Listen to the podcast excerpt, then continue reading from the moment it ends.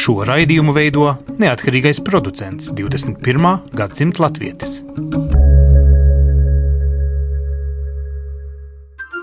Lai kur mēs būtu, Lai kur mēs būtu, Lai kur mēs būtu, Lai kur mēs būtu, Tie esam mēs. tie esam mēs. mēs Tie esam mēs. Mēs. Tas ir par mums. Tas ir par mums. tas ir par mums. Sveicināti Latvijas rādio raidījumā 21. gadsimta latvietis. Tas skan katru nedēļu ar jaunu perspektīvu par to, kā dzīvo latvieši vis tālākajos pasaules nostūros. Šodien gan nebūsim tik pārāk tālu, tikai dažus simtus kilometrus no Rīgas, vai patiesībā pārdesmit kilometrus no Latvijas vai Igaunijas robežas Pleskava. Pilsēta, kur ā, Latvijas vēsturē daudz ko vienmēr ir nozīmējusi, un tur ir Latvijai arī pats savs ģenerāla konsulāts, un nu jau desmit gadus diezgan aktīvi darbojas arī dzene Latviešu biedrība. Šeit man priekšā ir vairākas dāmas. Iepazīsimies ar katru no jums un sapratīsim, kas tad ir Latviešu biedrības ikdiena Krievijā, Pleskavā, pavisam netālu no Latvijas robežas ar skaistu, jūsmīgu nosaukumu Sakta. А, Здравствуйте, А, Ирена, вы руководители тоже, можно сказать, э, обосновали эту... Sveiki, Irēna, jūs esat biedrības vadītāji un arī dibinātāji. Kas tad bija par iemeslu tam, lai dibinātu šo biedrību pirms desmit gadiem? Jūs darbojaties eh, tikai desmit gadus, citās valstīs biedrībām ir jau pat 60 gadu. Лет назад обосновались. И тем не менее, это уже достаточно большой срок. Но я была э, не единственная. Tajā pašā laikā tas ir ilgs periods. Es gan nebiju viena, mēs bijām aptuveni 20 cilvēki, kas nolēmām, ka ir jāapvienojas, lai tādiem cilvēkiem kā mēs, kuru liktenis ir saistīts ar Latviju, bērni zinātu kultūru, atcerētos savu valodu, lai mums būtu interesantāka dzīve, jo galu galā sirds jau ir tur, kur tu esi piedzimis. Tur ir radinieki, tur ir arī tuvinieku kapi. Tie bija 2000. gadi, kad radījām biedrību. Tolaik bija grūtības dabūt vīzu, tagad tas ir atrisināts starp abām valstīm, taču tolaik tās bija problēmas. Un tā kā mums bija daudz bērnu, tad, protams, pirmā radās latviešu valodas skoliņa. Это э, школа латышского языка. Давайте уточним. Вы Precizēsim, jūs tātad šobrīd runājat krieviski, bet piedzimāt savulaik Latvijā. Я No, латышка по на- Pēc tautības esmu latvieti. И вы родились в Краславе, но... Jūs piedzimāt Krāslavā, lielāko daļu dzīvojāt Krievijā, bet ne tikai Pleskavā. Нет, нет, э, э, хотя в Пскове я уже 47 год живу. Э, Так сл- судьба сложилась, что Nē, bet uh, Pleskavā dzīvo jau 47 gadus. Likteņa pavērsiens bija 1949. gads, kad mūsu ģimene represēja uz Homskas apgabalu. Tur mācījos, vecāki devās atpakaļ uz Latviju, bet mēs ar māsu pabeidzām skolu. 57. gadā atbraucām jau ar profesionālo izglītību un uzreiz sākām strādāt Latvijā. Ilgus gadus strādāju skolā, bet sapnis bija kļūt par žurnālisti. Bija netīša tikšanās ar televīzijas cilvēkiem no Pleskavas, kuri teica, mums ir brīva vieta, pamēģiniet. Tā arī es pamēģināju, divus materiālus sagatavoju, abus pieņēmu uz urā, un tā man ceļš aizved uz Pleskavu. Nācās savākt ziedus, grāmatas un mašīnā iekšā uz цветы, Pleskavu. книги, м, и вот на машине приехать сюда. Все возможно, если Всё ты возможно, хочешь. Да. Viss ir iespējams, ja vien vēlies. И теперь я э, на две половинки делю себя. Jā, viss ir iespējams, un šobrīd es sevi dalu divās daļās. Gan rakstīt stāstus gribu, gan gleznot. Ну, ну все. Так складывается жизнь. Жизнь интересная, а то, что мы э, нашли друг друга, вот я имею Tā dzīvē sanāk. Dzīve vispār ir interesanta. Tā mēs atradām viens otru, tiem, kuriem bija saikne ar Latviju. Mēs gan vairāk sevi neoficiāli dēvējam par Krievu latviešu biedrību, jo liktenis kā mans personīgais ir dažāds. Pusi dzīves aizvadīta Latvijā, un tur ir manas saknes, no kurām es nevaru atteikties, bet daļa mana likteņa ir šeit, arī no tā nevar atteikties. И я тоже от нее не могу отказаться. A как часто вы бываете в Латвии? Cik bieži jūs esat Latvijā, kā noprotu jums vēl joprojām tur ir radinieki? У меня и в Латвии, в Польше и в Англии. Jā, man ir radinieki Latvijā, nu vairums Anglijā. Latvijā, protams, esmu biežāk, jo ir māsa, kur ir trīs gadus vecāka par mani un vajag viņai palīdzēt. То есть э, сестра в Латвии. Māsa ir Latvijā? В Саласпилсе она проживает. Э, Latvijā salaspilī. Tur ir arī māsas meita. Latvijā esmu bieži. Es ļoti mīlu Latviju. Retāk esmu Krāslavā, jo parasti nepietiek laika aizbraukt, lai gan tur ir vecāku kapi. доехать, хотя могилы родительские там. Olga, ja drīkst jautāt, jūsu uzvārds Safkonena ar Jā. beigām nozīmē, ka jūs esat no Igaunijas. Vai jūs tiešām Nē, tas... droši zinat, ka jūs esat Latvijas Olga?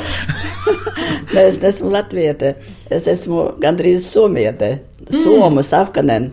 Ah, piedodiet, tas... redziet, es no somugru uzvārdiem maz ko saprotu. Tas... Olga, tā tad viena vairāk somieta kā latvieta, bet latviešu biedrībā darbojaties. Izskaidrojiet, un dzīvojat Pleskavā. Es esmu krieviete, bet man bija bijušais vīrs Soms. Es ar viņu nodzīvoju 20 gadus, nu tagad viņa jau vairs nav. Mm. Bet patiesi esmu no balviem, no Latgales. Un ļoti sen es jau dzīvoju Pleskavā. Es, Kā jūs nonācāt Pleskavā? Es atbraucu iestāties Pleskavas pedagoģiskajā institūtā. Svešvalodu fakultāti pabeidzu. Tā dzīvoju šeit līdz tam laikam, kad strādāju Pleskavā atvērts konsulāts. Un tā es tiku strādāt konsulātā. Jūs esat darbinieks no pirmās dienas? Jā, Pleskavas konsulātu šķiet atvēra vienu no pirmajām Latvijas pārstāvniecībām. 93. gada beigās, novembrī tas notika. Mēs vēl ar roku rakstījām tas vīzas pirmās. Un vēl šobrīd jūs patiesībā esat tas cilvēks, kur ar kolēģi kopā jūsu rokām iet cauri jebkura cilvēka, kas vēlas ieceļot Latvijā nu, var teikt, arī dzīves stāsts pase, vai ne, kurā jūs vai nu ielīmējat vai neielīmējat vīzu. Nu, tas nav atkarīgs no manis. Protams, no Latvijas likumiem un no visādiem reģistriem, bet tīri praktiski jūs to darat jau, nu, var teikt, visus vairāk kā 20 gadus kopš šeit ir konsulāts. Jā, 15 gadus es nostrādāju, pēc tam kādu laiku nestrādāju, un tagad atkal uh, palīdz. Jūsu piedarība biedrībā sakta ikdienā ir tā, jūs tātad aizslēdzat datoru kaut kur piecos konsulātā, un kas notiek tad? Ko dara sakta, kas ir kultūras biedrība latviešiem, kuri, kā jūs sakat, jūs neesat latvieti, bet kā, ja jūs esat no balviem, tad kaut kāds latviskās saknes taču jums nu, ir. Protams, mana mamma piedzima Latvijā 27. gadā. No piecām māsām viņa vienīga aprecējas ar Krievu. Uh mhm. -huh. Pārējās māsas aprecējas ar latviešiem, un tāpēc man no bērnības bija divas valodas - latviešu valoda un krievu valoda. Tā es gāju krievu skolā, man no otras klases bija latviešu valoda, bija ļoti laba skolotāja, Laicāna Zinaida tāda. Tāpēc eh, man bija divas valodas it kā nu, vienādas. Tādas. Es pat teiktu, ka no balviem uz leju, uz dienvidiem Daugopilī būtu viens pedagoģiskas institūts un uz augšu uz Pleskavu, Jā. uz ziemeļiem un vienādā attālumā. Jums vienkārši bija loģiski jāpieņem lēmums uz ziemeļiem vai uz dienvidiem jābrauc mācīties. Tagad es atceros, man liekas, ka it kā Daugopilī nebija svešvalodu fakultātes. Aha. Un tas bija jā. iemesls, kādēļ jūs nonācāt jā, Pleskavā. Jā, jā. Jūs gribējāt būt angļu valodas skolotāju. Es tieši gribēju ar svešvalodām. Lielāko daļu dzīves jūs arī strādājat par skolotāju šeit Pleskavā? Es strādāju par tulkotāju, svešvalodu tulkotāju rūpnīcā, pēc tam es strādāju mazliet tajā institūtā, kancelējā, bet ļoti ilgi es strādāju par tehniskas literatūras tulkotāju. Tas bija arī tas, kā jūs sev piepildījāt. Jūs vienkārši, nu, kā, saka, kā jau studentu nu, gados, iepazināties ar savu vīrakumu, kurš sagadījās vēl somas, kā jūs sakat. Jā. Tas bija tas iemesls, kādēļ jūs vienkārši palikāt. Tā jau daudziem laikam tie stāsti. Jā, man šeit bija ģimene, šeit piedzima meita. Tā tagad ir mana otra dzimtene. Bet, ja jūs esat dzimusi Latvijā, tad uh, pēc Latvijas likumiem jūs pat varat tagad laikam pretendēt uz pilsonību. Vai jums patiesībā to nu, tā, vajag, ja tāda domā? Tā es dzīvoju šeit visu laiku, pēc tam uh, tur pensijas jautājumi Jā. bija. Nu, man tā it kā būtu vieglāk, lai paliek Krievu. Protams, Krievijas pilsonība ir jūsu sapelnītās pensijas lielākā daļa. Labi, tiksim līdz tam. Svetlana, jūsu kolēģis Svetlana Kravece, jūs savukārt arī esat dzimusi Latvijā, bet lielāko dzīves daļu esat nodzīvojusi šeit Plaskavā, vai kā ir ar jums? Es eh, esmu rīdziniece, bet nu, apmēram pēc 20 gadiem es braucu tālējos ziemeļos. Un 10, 12 gadi mēs dzīvojam tālajos ziemeļos. Kurā pilsētā? Labetnangi. Oh, kur tā ir? Pie tas kaut ir, kur malai zemļā? Jā, jā, nu, blakus, jā, jā, blakus ir. Jā, mālaņiensu tas apgabals. Nu, tad, lai vieglāk saprast, virs Urālu kalniem, bet tālu ziemeļos. Jā, jā, jā. jā. un, un tad braucāt bija, atpakaļ? Tur bija, tur bija simt cilvēki celtniecības grupa no Latvijas. Izklausās pēc 80 gadu sākuma. Jā. Tātad desmit gadi, un tad jūs braucat atpakaļ, bet pa ceļu ceļam Pleskavā kaut kas notiek. Jūs iemīlaties kādā puisī. Nē, tas bija viss ziemeļos un ģimene, un viss bija ziemeļos, un pēc tam mēs braucam blakus Latvijai. Bet jūs negribējāt braukt atpakaļ uz Latviju, jūs gribējāt palikt Krievijā jau tā kā jutāt iedzīvojusies jau. Ne, bija ģimene tā puse uz pusēm, bet nu, Latvijas pilsonība man palika. -hmm. un šeit es ilgi nestrādāju, tāpēc kā ar bērniem, maz saistībā ar bērniem, mm -hmm. un pēc tam es uz konsulātu rīt būs septiņi gadi. Bet kas patiesībā ir lielākā daļa cilvēku, kas piedalās biedrībā pēc profesijām, pēc ļoti kaut kādas ikdienišķas tādas intereses? Pēc profesijas mums ir skolotāji, mums ir medmāsa, pensionāri, laikam vairāk. Arhitekti. Arhitekti. Te, tenis iedienā. Lielākā daļa no viņiem ir iebraukuši šeit, es teiktu, mācību dēļ, vai kā cilvēki šeit ir nonākuši. Jo liekas, tā kā nu, tik tuvu Latvijai, kāpēc ir jādzīvo Pleskavā, var dzīvot balvos, nu, jūsu gadījumā, vai kā savādāk. Protams, dzīvē pagriežās visādi tās domas, bet daudz teiktu, nu, kas tad tur, ko neaizbraukt 200 km zemāk. Katram savs, laikam, liktenis. Bet lielākā daļa tās ir ģimenes, kas ieprecās? Jā, kas apprecējas, kas atbrauc mācīties, strādāt, atbrauc, nu, ļoti dažādi. Cik apmēram latvieši ir Pleskavā? Mēs zinām, ka Pleskavā ir kā 200 tūkstoši, tā lai vieglāk reiķināt. Iedzīvotāji kā pilsētā, ja iet pa ielu, es varētu saskaitīt katru tūkstošo latvieti. Vairāk, laikam. Nu, cik ir? Nu, kā 200 ir? Es domāju, ka ir kādi 200. Kas runā arī latviešu, vai kā jūs domājat, kādi 100 runā latviešu no tiem 200? Nu, varbūt nerunā, bet saprot. Ikdienā arī lieto, nezinu, latviešu mēdījus. Nu, mēs, piemēram, dzīvojot Latvijas pierobežā, redzam Krievijas televīziju, vai dzīvojot Krievijas pierobežā, var redzēt Latvijas televīziju. Tikai internetā. Delfī.CLV populārākā saite. Jā, jā, jā Delfī. Ko vēl jūs lietojat, lai uzzinātu par notikumiem Latvijā? Es tikai Delfī. Tas tas vieglākais, ātrākais. To laikam visi лето. Скажите, самая главная цель, когда вы образовали это um, сообщество? Sakiet, kas tad bija, kad jūs dibinājāt biedrību galvenais mērķis - Svētdienas skola? Был толчок, то есть э, желание, чтобы дети Tas bija grūdienis, bija vēlēšanās un kopīgs mērķis, lai bērni zina latviešu valodu. Kad cilvēki sanāca kopā, viņi sāka domāt, kā vēl organizēt savu darbību, lai nesrautu saites ar Latviju. Kā jau minēju, tolaik bija problēmas dabūt vīzas, bet ekskursijas uz Latviju bija kā dvēseles nepieciešamība. Tad mēs sākām veidot šādas ekskursijas. Dziesmu svētkos, neatkarības dienā bērni brauc uz nometnēm, tikās ar latviešu skolēniem, tagad jau šie bērni ir izauguši. Со школьниками латышскими. Это было начало. Сейчас дети выросли. Почему мы говорим было, было, было? Что случилось? Kāpēc mēs visu laiku te runājam par to, kas bija, bija? Kas tad notika? Es zinu, ka jums bija svētdienas skola, bet kur tā ir tagad? Эта школа э, как бы свою задачу выполнила. Эти ребята за 10 лет все повзрослели. Skola savu uzdevumu izpildīja. Visi šie bērni par šiem desmit gadiem ir izauguši. Viņi jau ir citā vidē. Kāds aizbrauc uz Latviju, kāds sāk studēt un aizbrauc no Pleskavas. Tagadējie mūsu bērni vēl ir mazi, viņi vēl nav skolas vecumā.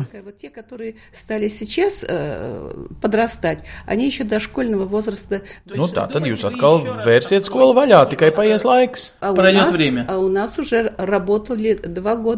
Nē, bet mums bija valodas kursi divus gadus ar brīnišķīgu skolotāju. Taču visbiežāk mēs tiekamies tad, kad ir kāds interesants notikums. Piemēram, mums ir desmit gadus sena tradīcija svinēt krievu un latviešu Ziemassvētkus un lieldienas. Ar Līgu ir sliktāk, jo tajā laikā visi dodas Rīgas virzienā. Vasarā mums ir grūti satikties, jo kāds ir Latvijā, kāds vasarnīcā, kur nu vēl katru svētdienu. Bet laikam jau tas ir labi, tā vajadzētu būt. Каждое воскресенье.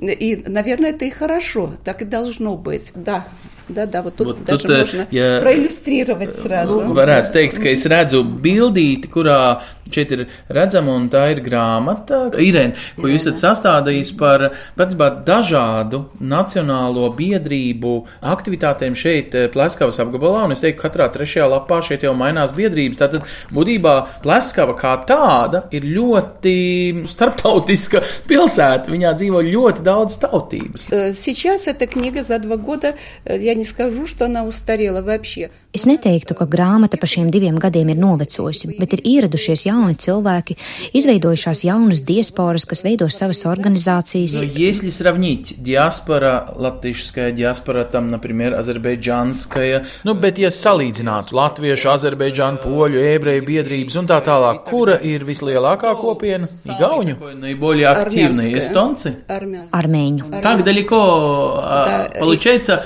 Ты становишься очень. Tātad tu kļūsti ļoti aktīvs tad, ja esi tik tālu prom no dzimtenes. Но не скажу. Не э, всегда. Просто они э, в свое время переживали очень трудное время. Es neteiktu tā, vienkārši viņi savulaik piedzīvojuši grūtības, kā jau visi tajos 20. gados, un meklēja jaunu dzīvi.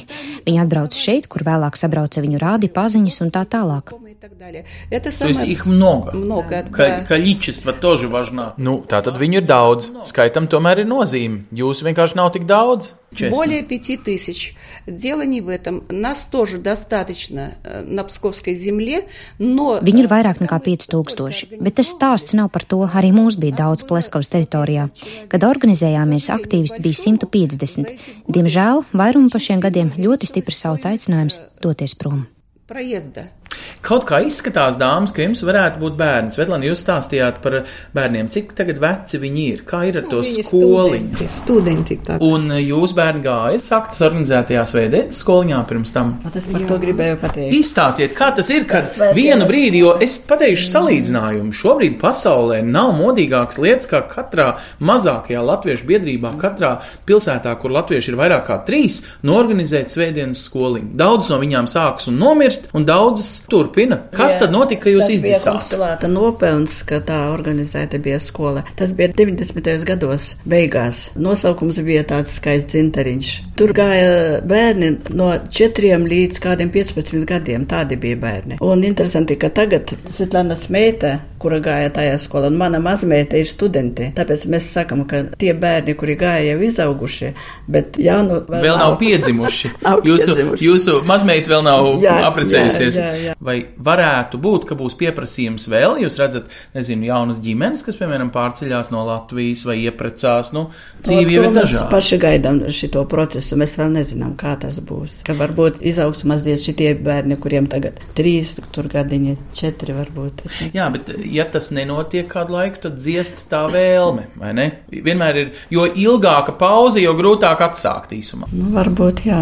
Entuziasti nav. Kas ir tie galvenie vēl darbi bez skoliņas? Ko biedrība jums emocionālo Kultūras saiti dod? Mums jau rekur izstāstīja Irēna, kas viņai ir, kas baro viņas dvēseli. Kas ir tas, kas baro jūsu tās, nu, latvisko kodolu, vai jums ir svarīgākais? Jūs skolā vairs neiesiet, vai ne? Svētdienās. Diezgan daudz bija bērnu. Ah, jā, te es redzu, patiešām te varētu saskaitīt kādus, no ar visiem vecākiem kopā kādi 35 sanāk cilvēki. Tie kultūras pasākumi mums bija interesanti arī. Piemēram, eh, cepures balde mums bija. Cik skaisti. Katri, katrs atnāca savā cepurē. Jā, bet es Šī bildēs arī pārsvarā redzu, tomēr dāmas. Vīrieši ir eh, gan Latvijā, gan Krievijā dzīvojušie. Latviešu vīrieši ir kautrīgi, ja viņi nepiedalās tik aktīvi. Vai. Ir, bet eh, Pārsvarā tomēr skatāties, cik daudz visādas meitenes, bet tomēr meitenes. Irēnai bija izstādes Mhm. Rīgā. Salaspils. Salaspilī, jā. Šitā ir salaspēlī izstāžu zāle, jā. Patiesībā mums ir jānoskaidro lietas apstākļi, un Irēna Putniņa, Latvijas konsuls šeit eh, Plaskavā, es zinu, ka jūs neesat, protams, dibinātājos, jo biedrība ir senāka nekā jūs šeit strādājat, bet kāda ir tā loma, veids un svarīguma pakāpe, vai Latvijas valstī ir jāiesaistās šo biedrību uzturēšanā, varbūt citreiz pat tādā restarta došanā? Kāda ir jūsu sajūta? Vai tas ir vietējai komunai patiesībā vienmēr pieprasījums? Izstāst tā dziest mazliet tā vēlme pēc skoliņas, piemēram. Es varbūt gribētu sākt ar tādu nelielu atkāpi tajā jautājumā, ka ārlietu dienestam kā viens no tādiem nozīmīgākajiem uzdevumiem vienmēr ir bijis uzturēt saikni ar diasporu, palīdzēt viņai saglabāt savu identitāti, palīdzēt varbūt tās arī atgriezties mājās, ir tāds interesi. Nu, ņemot vērā vēl arī, ka diplomātiskās pārstāvniecības tomēr ir arī tās organizācijas, kas pārstāv Latvijas pilsoņu un iedzīvotāju intereses ārvalstīs, tātad jebkuros arī citos jautājumos. Tāpēc tas būtu tāds atkāps jautājums. Konkrēti runājot par Plaskavu, un šī gadījumā varbūt tās arī par šo Plaskavas diasporu, e, varbūt tās es negribētu teikt, ka viņa dziest, varbūt te jau jūs sarunā izskanēja tie jautājumi, kas varbūt ir tie, kāpēc e, viņa nav varbūt tik aktīva kā kaut kur citur, mm. jo tiešām tas atrašanās tūms tepat tās blakus Latvijai. Nākošais arī valsts līmenī tomēr ir pieņemti vairāki tādi normatīvi, kas to ļoti sekmē, lai būtu šī pierobežas sadarbība, šī pierobežas saskarsme kultūras jautājumos, izglītības jautājumos, sporta jautājumos, vienkārši apmeklējumos vienam pie otra, ja kaut vai tas pats eh, Latvijas Republikas un Krievijas federācijas valdību vienošanās par Latvijas un Krievijas pierobežu teritoriju vienkāršoto šķērsošanu, kas 50 km robežās atļauj iedzīvotājiem dot šo bezmaksas gada vīzu, kas viņiem atļauj apmeklēt vienam otru, apmeklēt pasākumus, uzturēt kontaktus. Un e, arī tāpat jāpiemina arī Eiropas Savienības, jeb Eiropas kopienas nolīgums ar e, Krieviju par vīzu atvieglinātu izsniegšanu Eiropas Savienības un Krievijas pilsoņiem, kas īpaši arī runā par to. Tieši kultūras sakari, izglītības un sportiski un dažādi pilsētu sadraudzības e, projekti ir atbalstāmi un veicināmi savstarpēji. Un šeit, šī laika periodā strādājot šeit Plaskavā, es to izteikti just, ka šī sadarbība ir ļoti aktīva no abām pusēm. Un varbūt tāpēc e, biedrībai kā tādai kaut kur daļēji varbūt pazūd šis moments tieši to organizēt. Bet es katrā ziņā gribētu atzīmēt konkrēti šo diasporu, varbūt viņa ir ar to ir tāda viņas īpatnība, kad viņa varbūt tās, jā, viņi, protams, uztur visu latvietību, viņi uztur e, to un cenšas, un mēs paši arī piedalāmies viņu pasākumos, un to varam arī apstiprināt. Tas tā ir, un mēs paši arī daudz ko iegūstam jaunu, interesantu. Bet otrs moments viņiem ir izveidojusies varbūt tā cita lieta, kas viņus uztur kā biedrība. Viņiem ir šīs kopējās intereses. Ko es tiešām šeit saku, ka šeit Pleskavā dzīvo rakstnieki un mākslinieki. Varbūt tas ir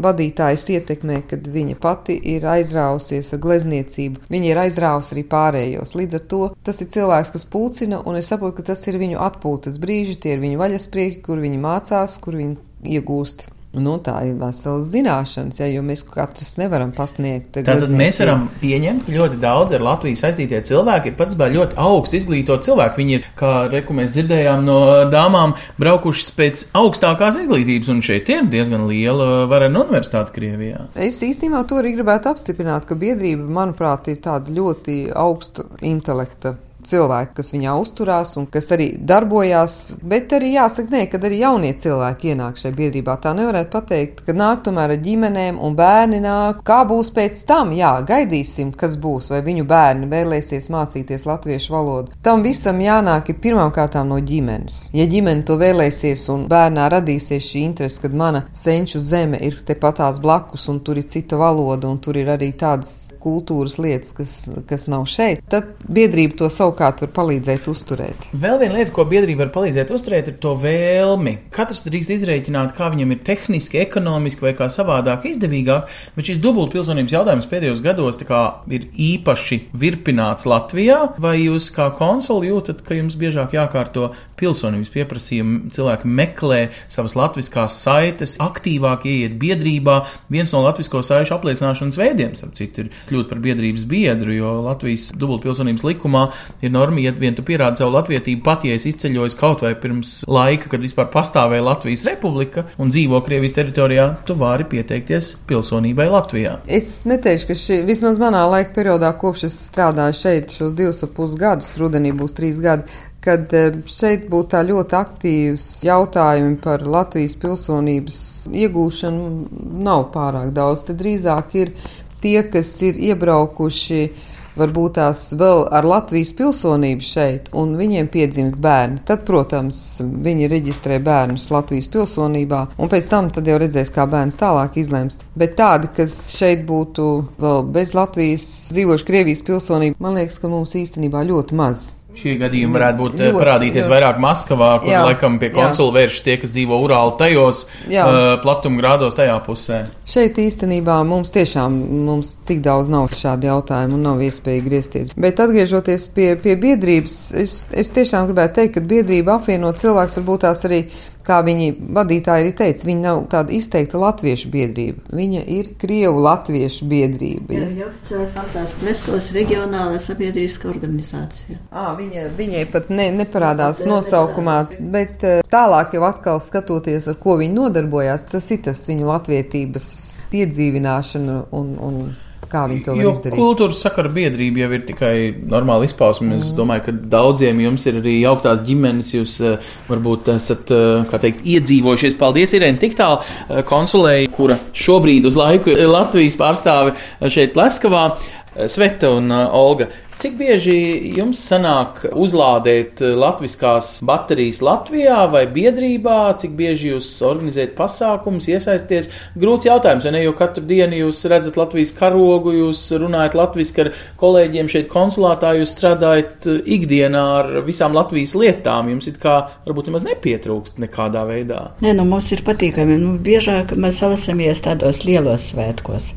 Ziemassvētki, Lieldienas. Tad jūs nosvinat divreiz. Tā ir tā jūsu priekšrocība. Jūs varat svinēt jā, pēc jā. divām dažādu tautu tradīcijām. Un mēs svinam parasti pēc jau, kad pagājuši svētki Latvijā, kad Krievijā, un pēc tam mēs salasamies un svinam it kā kopā. Aha, ekumēniskais variants sanāk labi. Sveiti, kas ir jūsu mīļākās latviskās izpausmes, ja tā drīkst teikt? Kuras jūs biežāk, nu, tā kā vai ģimenē, vai biedrībā, vai ir kaut kādi ēdieni, ko jūs gatavojat, vai varbūt, um, ka var pateikt, jūs to darat savādāk nekā, teiksim, kāda cita kaimiņa ģimene. Šeit, eh, kad mūsu svētki vai tikšanas kaut kādas, visi ar groziņas, mm -hmm. visi cilvēki, un galvenais tas ir pelika zirni. Tāpēc, ka nekur nav tādi ēdieni, kā pelika zirni, tikai Latvijā. Tad jūs gribat teikt, ka tas ir pilnīgi tā kā nāzi nogriezts. Latvijā pelēko zirņu sēd, un cik tas sanāk? 50 km no robežas. Šeit pat nezinu, kas tas ir. Tāpēc, Nevar ka, būt. Jā,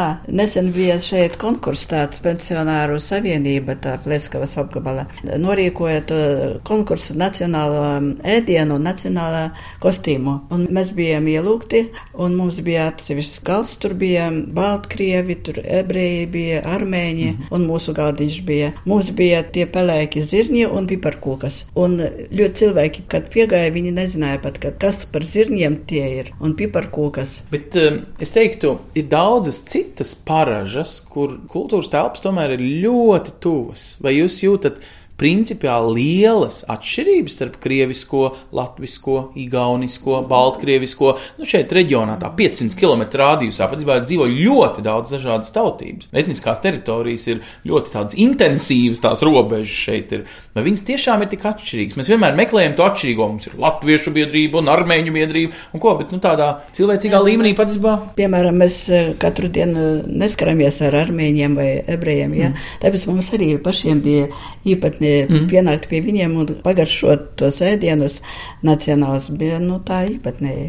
Mm -hmm. Tāpēc, ka mēs arī tā. Sakiet, vai tas jūs dara arī pašu īpašāku? Būt ar kaut ko atšķirīgam, septiņu miljardu lielajā pasaulē, patiesībā vai, nu, sauksim, 150 miljonu lielajā Krievijā, Jā. ir nu, kaut kā īpaši. Protams, interesanti tas ir. Viss. Jā, es, piemēram, lepojos, ka es esmu no Latvijas. Man ļoti patīk, ka tāds skaistums tur ir. Kaut saka, ka depresija Latvijā, bet uh, man ļoti patīk. Un es visiem stāstu saviem paziņiem, cik tur skaisti ir. Un es lepojos par to. Tad, senāk, Olga, jūs varētu būt viens no tiem iemesliem, kāpēc Latvijā pēdējos gados vasarā ļoti daudz no Pleskavas un Pēterburgas brauc atpūtnieki. Paldies jums! Jā, liels! Jā, jūs Latvijas jā. ekonomikai ļoti palīdzat.